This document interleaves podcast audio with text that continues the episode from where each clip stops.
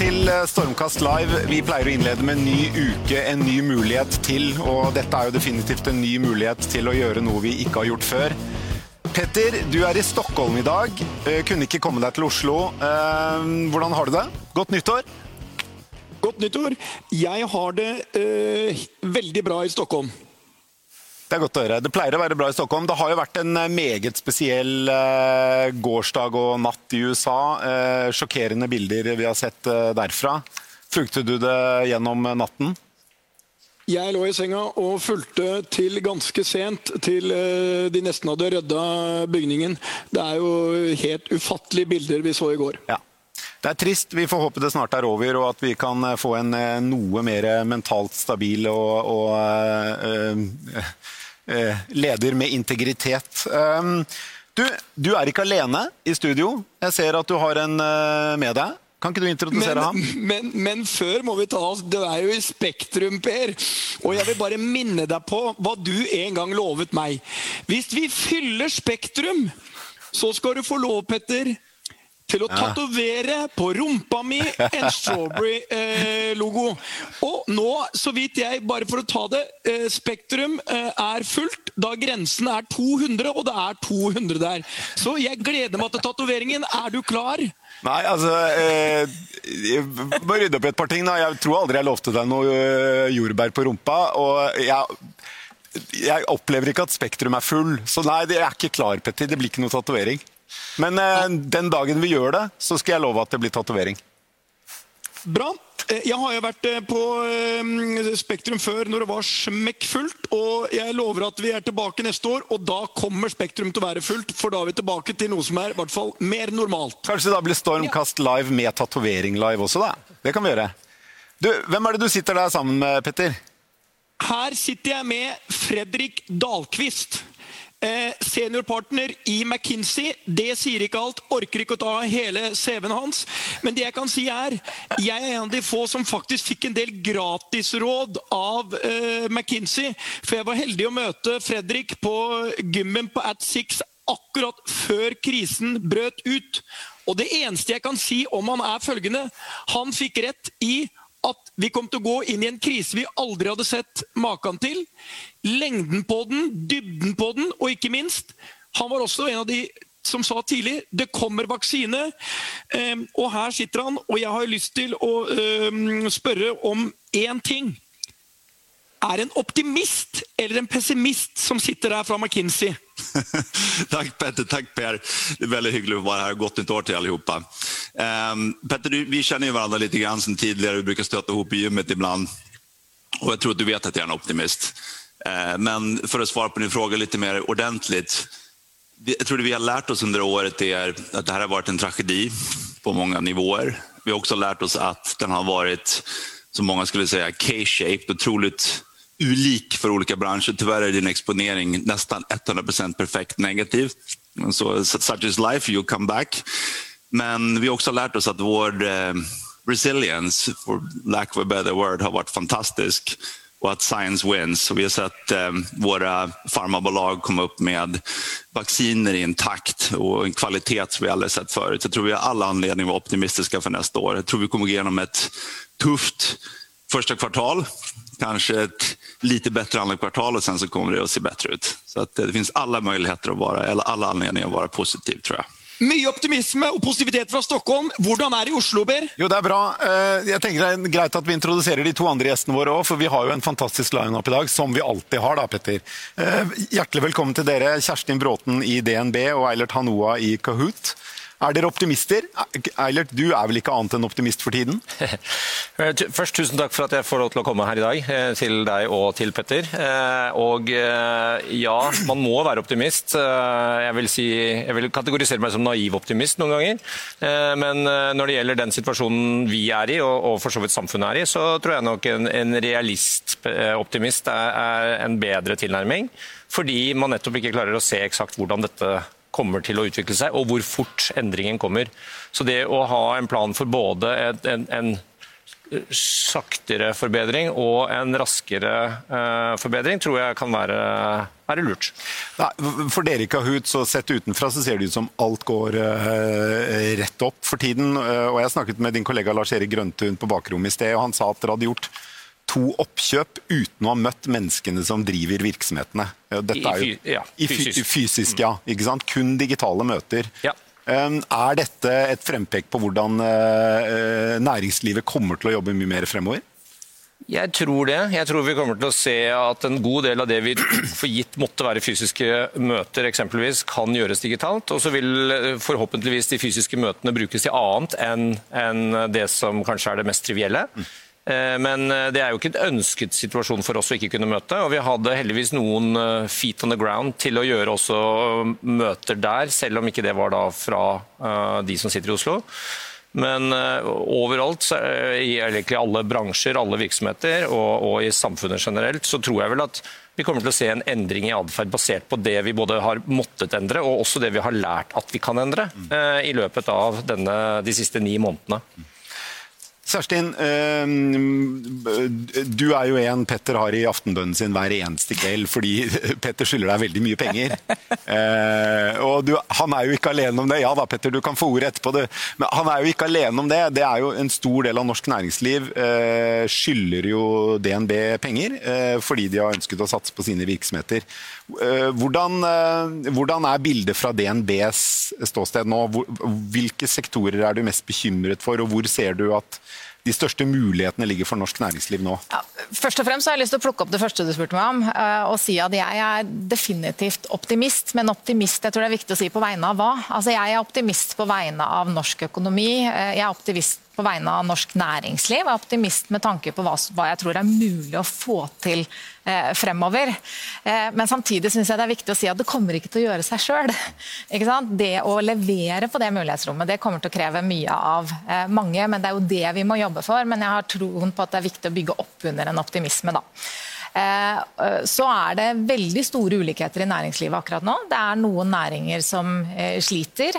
Eh, reiseliv, hotell, som jo Petter eh, kjenner på kroppen hver eneste eh, dag. Flybransjen, for ikke å snakke om offshoreindustrien som leverandør til, til oljeindustrien. Men det er også veldig mange bransjer som gjør det bra. Og vi snakker om møbelprodusenter, det har vi hørt på NHO-konferansen, som har hatt 40% vekst.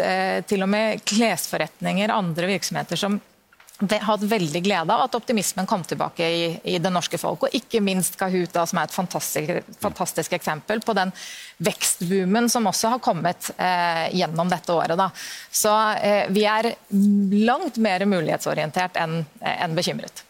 Tenker du at eh, Kahoot uh, er jo som en, en, en, ganske sjelden eh, virksomhet i norsk sammenheng. En betydelig tech-aktør målt i markedsverdi, eh, verdt ca. 50 milliarder kroner i, i, dag. Og aksjekursen har steget eh, kraftig over lengre tid. Er det begynnelsen på noe, et skifte i næringslivet her i Norge, bort fra råvarer eh, og over mot mer teknologi? Jeg tror Det skiftet som pågår i norsk næringsliv har pågått eh, en stund. og Det er det viktig at vi fortsetter å eh, jobbe for å øke tempoet på. Og Kahoot er en veldig viktig del av det skiftet, og en viktig si, rollemodell for hva som er mulig å få til. Og forhåpentligvis et lokomotiv da, for at Norge også skal få opp langt mer innenfor eh, teknologisektoren, som bør bli en viktig brikke mot en grønnere økonomi, mot en fremtidsøkonomi, mot en eh, mer innovasjonstung eh, økonomi knyttet til den type teknologi. da. Petter, på din kant i, i, Sverige er jo teknologisektoren kommet vesentlig lenger enn, i, enn her i Norge? Ja, det, jeg vil jo si at uh, Stockholm er kanskje en av metropolene på tech-siden. Og uh, da har vi jo uh, Fredrik Ersson som kan gi oss litt innsikt på den svenske delen. Hva er svenskene mest opptatt av? Hva er svensk næringsliv mest opptatt av? Og hva sier McKinsey-analysene om 21? Mm, absolutt. Takk, Petter tror så här, um, vad sysslar våra klienter med och vad eh, ser vi framöver? Jag tror det är många spännande saker som sker. På sätt och vis så har vi blivit satt i en tidskapsel. Många industrier har blitt forflyttet eh, tre, fyra år framåt på, i loppet av nio månader. Inte minst når det gjelder digitalisering og e-commerce. Det har vært veldig, väldigt snabba förflyttningar. Jeg jag tror at en gledende eh, nyhet eller situasjon er at våre klienter ägnar seg mer og mer og snabbare och snabbare åt teknologiutveckling som har å gjøre med sustainability. Och det ser vi også eh, våra respektive governments att eh, man kräver också av näringslivet att man måste förflytta sig. Det som är ännu mer spännande tror jag att både Norge och Sverige har förutsättningar att vara ledare i den sektorn baserat på ja, den geografi vi har, de elpriserna vi har, eh, det vi kan i våra länder. Så jag tror att Europa och inte minst Norden som ett epicentrum för sustainability är otroligt spännande. Tror du Norden kommer raskere tilbake i denne krisen enn resten av Europa? Ja, det tror jeg. Hvorfor det, Selv om Fredrik? er noe vi bare Ja, Pet Vi har, en hvorfor det? vi har en historie av å være förändringsdyktiga, som man sier på norsk. og och um, tror også at vi har en utgangspunkt hva det gjelder värderingar, kunskap och, eh, som man kaller det for också vårt fokus på sustainability langt innan mange andre länder hadde det, som gir oss forutsetninger å vinne här. Kjerstin? Ja, nei, Jeg er også veldig enig med Fredrik i det. og Jeg tror det handler om flere eh, elementer. Men jeg tror jo både, eh, både eh, Sverige og Norge har større rygg til å bære noe av de, den stimuleringen og innsprøytning i økonomien som har kommet fra statlig hold. Og nå har jo vi, snak, vi snakker jo om at vi har høy, høy arbeidsledighet i Norge, og vi har jo høyere arbeidsledighet i Norge enn det vi liker å ha. Men hvis de fleste europeiske land hadde hatt den arbeidsledigheten vi har, så hadde de vært sjeleglad. Eh, Så det er viktig å sette dette i et relativt kontekst. Så det er klart Det europeerne har måttet stille opp med av hjelp, det gjør at det er enda tyngre for de å, å dra det i gang igjen. Og en siste ting jeg har lyst til å si er at Vi snakker mye om viktigheten av skala. Eh, Den er absolutt viktig, men et av de fortrinnene vi i Norge har, er at vi er faktisk er litt mindre. Vi evner å samarbeide, vi evner å koble ting sammen, og gjennom det skape muligheter. Og Det har vi sett at også er viktig da, for å gjennomføre i en økonomi med høy, høy endringstakt. Så det mulighetsrommet for å koble sammen virksomheter i eh, clustere, eh, få fart i den bevegelsen mot, mot grønn økonomi, ja, der er det veldig mye spennende å hente. da. Eilert, eh, du har, vært, du har jo ikke vært eh, administrerende direktør i Kahoot så lenge, men før det var du lenge styreleder, og du er investor i selskapet, og du har jobbet med tech-satsinger gjennom store deler av din karriere. Opplever du at eh, den tiden eh, vi er inne i nå, og kan si det seneste året, eh, er eh, fundamentalt annerledes enn tiden før pandemien, eller er det egentlig bare en, den, det følger en helt naturlig utvikling som har fått et lite spark bak av pandemien?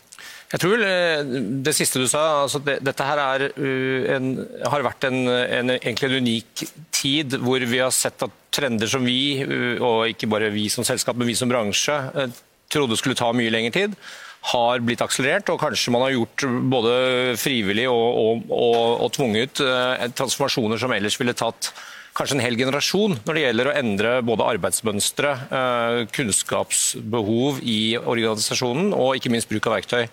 Og det er klart at Den akselerasjonen til digitalisering, som implisitt også i aller, aller, fleste sammenhenger er mer grønn, er jo en, en, egentlig en, en, fordel for de aller fleste samfunn. I hvert fall i Nord-Europa og, og i vestlig verden så vil det være andre land som kan, basert på disse fremskrittene, kunne hoppe over en del mellomsteg, som vi har sett f.eks. når Baltic åpnet opp på banking, som tok og hoppet over én til to generasjoner, og, og, hadde det som en, faktisk et, et komparativt fortrinn i mange år. Sånn at jeg tror at Totalt sett så er dette positivt, men det at du får en så rask endring både for ansatte i, i selskaper og for et samfunn, for f.eks. hvordan vi lærer, som vi selvfølgelig er godt mye opptatt av i, i skole og universiteter, det setter jo større krav til en omstillingsevne. og Der er jeg enig at den har vi nok kulturelt, kanskje i større grad i det nordiske samfunnet eh, samfunn generelt, enn eh, i land hvor det er enda mer satt hvordan ting skal fungere. Så, men, men overordnet så er det positivt at det som f.eks. er å bytte fra skal vi si, kontanter til VIPS, for å bruke et norsk eksempel, at det går fortere. Det er det ingen som taper på. Men på den annen side så vil det være ting som kan falle mellom stoler og bli borte hvis man ikke er klar over og tar ansvar for transisjon. F.eks. bruk av fysiske lærebøker og digitale verktøy i skole, kontra å bare flytte til en digital plattform. Selv om Norge har kommet et godt stykke lengre på, på, fremveksten av digitale virksomheter, som har lykkes godt ikke bare her hjemme, men også internasjonalt, eh, så er vi jo langt bak eh, Sverige eh, og, og andre land som er ganske naturlig å sammenligne Norge med. Hvis du skulle trukket frem én ting som du mener bør gjøres annerledes, eller som vi trenger å endre vår mentalitet på, hva skulle det vært? Jeg tror, altså Generelt sett så, så, kan man ikke i Norge ikke si at man har gode rammebetingelser for å skape kunnskapsbedrifter. Både tilgang til kapital, uh, infrastruktur, samfunnets stabilitet, uh, tilgang på talenter, ikke minst norske og de som er villige til å flytte til Norge. Sånn at uh, I overordnet så, så, så er, det, er, det, godt nok for å kunne bygge noe. men hvis man skal se på hva man kan forbedre, så er det klart at den situasjonen vi er i nå, hvis man ønsker å bygge internasjonale selskaper i Norge som er kunnskapsbasert, som skal også kunne konkurrere med de beste i verden, så kan man si at alt fra øh, øh, lov og regler rundt medeierskap, øh, hvordan man beskatter det, hvordan man tenker rundt arbeidsmiljøloven og arbeidstidsbestemmelser i forhold til en 24-7 åpningstid, som du nødvendigvis må ha hvis du skal drive virksomhet i hele verden fra Norge. Og hvordan man skal kunne tenke hele tiden å tiltrekke seg nye talenter. Både til universiteter i Norge og utdanningsinstitusjoner generelt, men også til bedrifter spesielt. Kan være områder hvor vi kan bli enda flinkere, og ikke minst tilrettelegge for at flere ønsker å bygge den type selskaper i Norge lyst til å sende ballen over til dere, Petter og Fredrik. Hva, hvorfor er Sverige kommet så mye lenger enn Norge på digitale virksomheter? Er det mye fordi vi her i Norge har hatt en så sterk eh, råvarebasert eh, næringslivsstruktur, eller er det andre ting, Fredrik?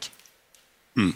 Jeg tror egentlig ikke det. Så som jeg har lært kjenne Norge, at det finnes egentlig en ekstremt sterk entreprenørskultur.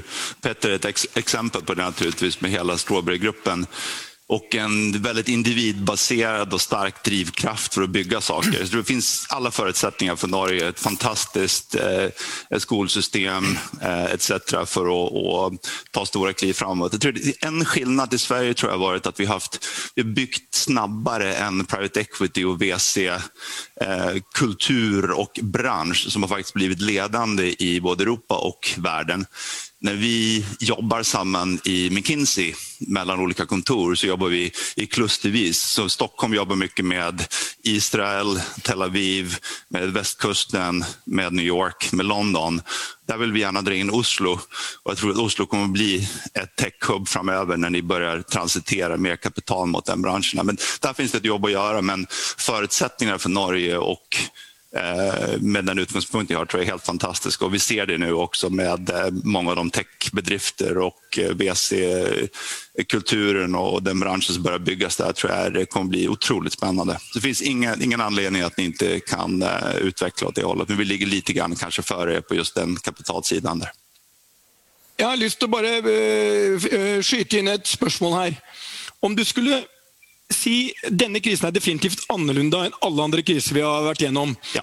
Men, og den har vært dyp og den har vært helt hinsides jævlig, eh, i hvert fall for noen bransjer. Eh, hvis du skulle allikevel trekke ut én positiv ting vi har lært i denne krisen, hva er det? Du kan ta to hvis du vil, men én. Mm. Mm. Jeg tror det finns flera. Alla är tyvärr inte positiva för din verksamhet, Petter. Men jag tror att man ska säga en, en sak som är... Eh, tror att vi har, det, liksom, det har pågått länge nog för att vi ska få, få nya vanor. Jag tror att vi har lärt oss kanske lite bättre hur vi använder vår tid.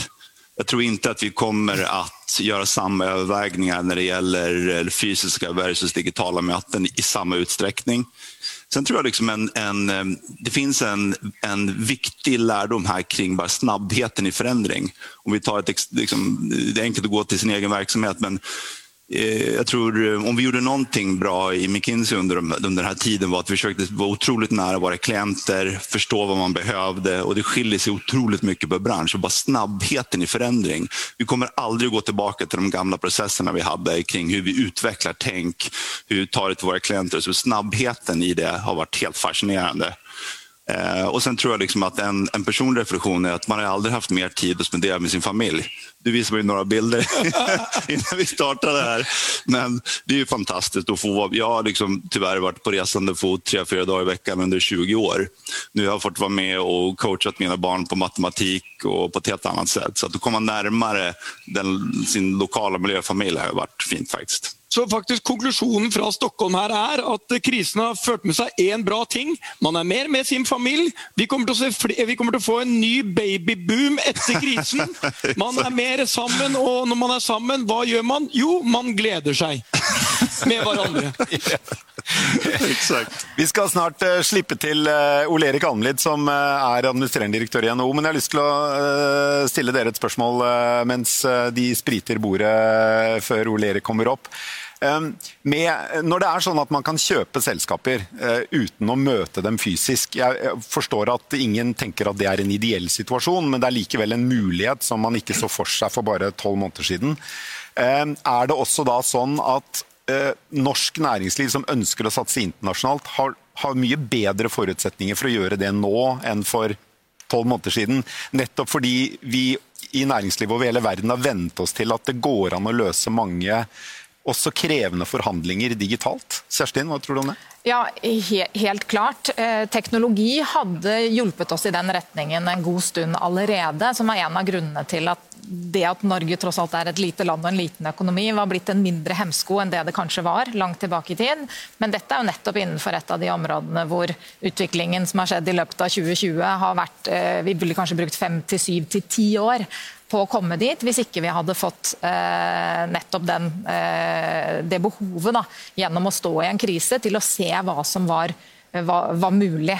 Så Det åpner opp muligheter for Norge. og Hvis jeg kan få lov til å hekte meg på spørsmålet som eh, Petter stilte Fredrik, og si at hvis det er én lærdom eller refleksjon fra krisen som, som jeg har med meg, så er det at det faktisk er mulig å legge lista langt høyere enn det vi har vært vant til å gjøre. for jeg har snakket med så mange bedriftsledere og jeg er imponert over den omstillingsevnen.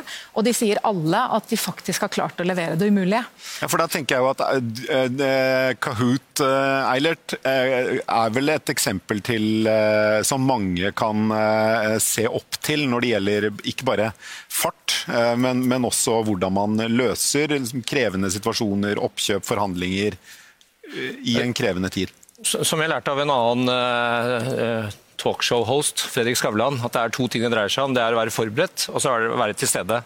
Så Heldigvis for oss så hadde vi forberedt utviklingen av en del av de tjenestene vi har i dag, i forkant av pandemien, uten det for øye, men rett og slett for mer bruk av digital trening generelt, som vi var i stand til å lansere i april. Eh, samtidig som vi var til stede hvis du vil, eh, i mars, hvor vi så at dette skjedde, så sa vi at alle skoler og alle lærere i verden som blir påvirket av koronaepidemien kan bruke vårt premiumprodukt i seks måneder gratis eh, for å kunne umiddelbart ta den situasjonen vi alle står i, uten at man har tid til omstilling, enten om det er budsjetter eller skole eller innkjøpsprosesser eller hva det skulle være. Og, Kombinasjonen av det var jo selvfølgelig både at vi traff vårt publikum på hjemmebane, og at vi var i stand til å levere det produktet de faktisk trengte. Så både hearts and minds. Og jeg tror Den energien vi fikk ut av det, er litt av svaret i det som nå etterpå ser ut som en, en veldig bra utvikling på vekst. fordi vi gikk jo fra å være et nice to have-produkt til å bli et must have-produkt. Og det, den, den, den, effekten så vi allerede før, men i en enda større grad når vi nå har det som er læring som skjer litt i klasserom, litt i bedrift, litt on site, litt i grupper, litt på video. Hvordan skal du ha en digital plattform som hjelper deg med det, uansett hvordan den miksen ser ut fremover. Så vil jeg bare si til det som ble sagt i sted, som jeg syns er, er veldig viktig. altså det med å ha tilgjengelighet på kapital i Norge er som vi snakket om bra. Det som er den store forskjellen med det som har skjedd nå, er at det å være et lite selskap i Norge, som vi tross alt er, eller som happens to be in Oslo, eh, for vi er egentlig et internasjonalt selskap med 32 nasjonaliteter i, i staben. Men det gjør at vi kan være med å møte store virksomheter og mindre virksomheter over hele verden på samme premisser gjennom videoconferencing. I gamle dager så sto du alltid med lua i hånda, gamle dager er tolv måneder siden, eh, med lua i hånda i New York eh, og kom fra Norge. Men i dag så er den eh, level playing field. Og Det samme ser vi også på kapitalen. at Store internasjonale fond som før antagelig ikke ville vurdert å investere rett i norske eller andre, utenlandske generelt, foreign companies, gjør det nå fordi man også ser på samme måte at hele verden er level playing field. Så Det er helt klart at man går fra å være en underdog til å bli en mer likeverdig partner på kapital, på muligheter for egen ekspansjon og for å møte kunder. Vi må få deg tilbake i Stormkast en annen gang, for dette, dette, er utrolig interessant. og Jeg tror det kan være mye å lære for mange, mange, norske bedrifter i å tenke at det happens to be in Oslo eller Bodø eller hvor enn de holder til, og at det ikke skal brukes som en hemsko. Eh, Ole Erik, velkommen til deg. Er det litt, nesten litt rart å si, fordi det er jo du som er verten. Petter og jeg vi er bare sånne snyltedyr som eh, har lurt oss inn bakveien til årskonferansen. Hvordan syns du det å ha en digital årskonferanse har vært? Nei, Jeg syns det har vært veldig bra. Jeg må jo bare si at jeg savner folk. Jeg savner minglingen. Jeg savner å møte bedrifter ansikt til ansikt. Men når det er sagt, så har det vært veldig ålreit. Og det er egentlig litt sånn tegn i tiden at det ble en digital eh, konferanse. Både fordi at vi må jo leve det livet vi skal leve nå for å sikre at smitten ikke sprer seg, men det er også et sånn videreføring av det digitale løftet vi har sett i 2020. Så dette har vært veldig ålreit. og jeg jeg er ikke sikker på Vi skal ha en årskonferanse neste år, Per, jeg lover. Skal den være fysisk? Ja, det, Den skal være fysisk, og den skal være digital. Og Vi skal ha en årsmiddag osv., så, videre, så jeg gleder meg til å møte folk da. Da er jeg helt sikker på at Petter er her når vi har den eh, årskonferansen. da. Men, men det har vært veldig ålreit å ha en digital konferanse. Og vi har fått melding om at det er mange som har fulgt oss. Så det er jeg veldig glad for. Mm. Hvor, hvis du Ett år fremover i tid mm. fordi vi har jo nå, vi, Jeg tror vi alle er enige om at uh, det har skjedd fryktelig mye med hvordan vi tenker og jobber ja. uh, uh, på ett år. Så ett år frem i tid, mm. hvordan ser du for deg Hva, hva er liksom statusbeskrivelsen av norsk næringsliv da? Nå tror jeg vi skal Vi må bare være forberedt på at det blir litt humpete også i starten på 21. For det, og det, og har jo, har jo vært ålreit. Vi blir jo optimistiske av å høre det som blir sagt fra årskonferansen og det vi hører her òg. Men det blir litt humpete i starten, og så blir det mye bedre på vei ut av 21 enn det var på vei inn i 21. Og Vi kommer til å ha et eh, næringsliv og, og bedrifter som eh, kommer til å gå godt. Veldig mange. Mange sliter fortsatt, men det kommer til å gå godt. Jeg tror vi kommer til å være enda mer digitalisert. og jeg synes Fredrik var inne på at den, den farten vi har nå inn i, inn i 20, 2021, egentlig litt paradoksalt nok, kommer til å sette enda mer fart gjennom dette året. Og og jeg synes det var et år jeg hadde møte med finansministeren i går. og Da vi, vi har beregna hva vi kom til å ha hatt av økonomisk, økonomisk, situasjon i Norge hvis vi ikke hadde hatt de støttepakkene og den hjelpa. Vi har hatt, kommet til å ha et fall i økonomien på 8 I stedet så har vi mellom 3 og 3,5. Det skal vel finregnes på. Og Forskjellen på de prosentpoengene det er forskjellen på hvordan vi kommer oss ut av krisen. Så Derfor så er jeg veldig opptatt av at vi skal nå sikre at politikerne ikke glemmer at det er litt krise nå, men ta oss full fart gjennom det året. Og hva har vi hørt i dag? Optimistiske bedrifter. Vi skal ta grønn, den grønne framtida på alvor. kommer til å skape titusenvis av arbeidsplasser. Vi skal tro på den digitale framtiden. Veldig ålreit å høre på Eilert i dag. Jeg blir, jeg blir ordentlig glad. Vi kommer til å skape arbeidsplasser til folk. Vi kommer til å ha bedrifter som lederne. Så det er ingenting som stopper oss. Og så kommer vi til å ha en valgkamp imellom, og vi er jo gamle journalister som er glad i valgkamper. Så jeg håper at valgkampen kommer til å dreie seg om hva vi skal gjøre for å utløse muligheter. Det er ikke helt sikker på hvordan valgkampen blir, men jeg håper det blir sånn. Vi får se. Ja. Petter, eh, hva tenker du om eh, hotell- og reiselivsnæringen ett år eh, fra nå? Kommer vi til å være mye tilbake til der vi var på reisefronten? Ja, For det første, tru er normalt noe vi gjør i kjerka. Vi analyserte i Ving og Vi ser nå at eh, så fort det er trygghet, og den kommer, så bookes det. De har aldri booka mer på vinteren. I, altså Vinter 21 har de aldri booka mer på. Vi ser med en gang det blir litt trygghet, litt vaksine, så kommer det. Så jeg tror sommeren blir bra, men det er en senere del av sommeren som blir fantastisk bra. Og glem aldri hvor mye er skapt uten at mennesker møtes. Vi kan ikke ha AV på uh, Zoom eller Hangout til evig tid. Man savner å møte mennesker, man savner å gå på konferanser. For det er enormt mye som skjer som ikke skjer når du slår av videoen og noen ganger lyden, og du sitter og du er dritlei av Zoom og Hangouts og alt sammen. Du har fått overdose av det inn i blodet. Og jeg ser bare når jeg er ute Folk de har bare ett ønske. Jeg vil ut og gjøre de tingene jeg gjorde før. Jeg vil gå på restaurant. Jeg vil møte møte kollegaene mine. Jeg vil dra på konferanse. Selvfølgelig kan du ikke dra til Syden på, på, på, på og Hangout. Så jeg er optimist på vegne av reiselivet. Men jeg tror vi må forandre oss. Og vi kommer til å komme ut her sånn som et helt annet selskap enn det vi var i februar i fjor. Og hvis ikke vi gjør det, så har vi ikke livets rett. Vi må forandre oss, vi må ta inn. Og for å si det sånn, Jeg brukte Kahoot på vinterkonferansen for mange år siden, og det eneste jeg gjorde feil Jeg skulle jo faen meg investert i det selskapet.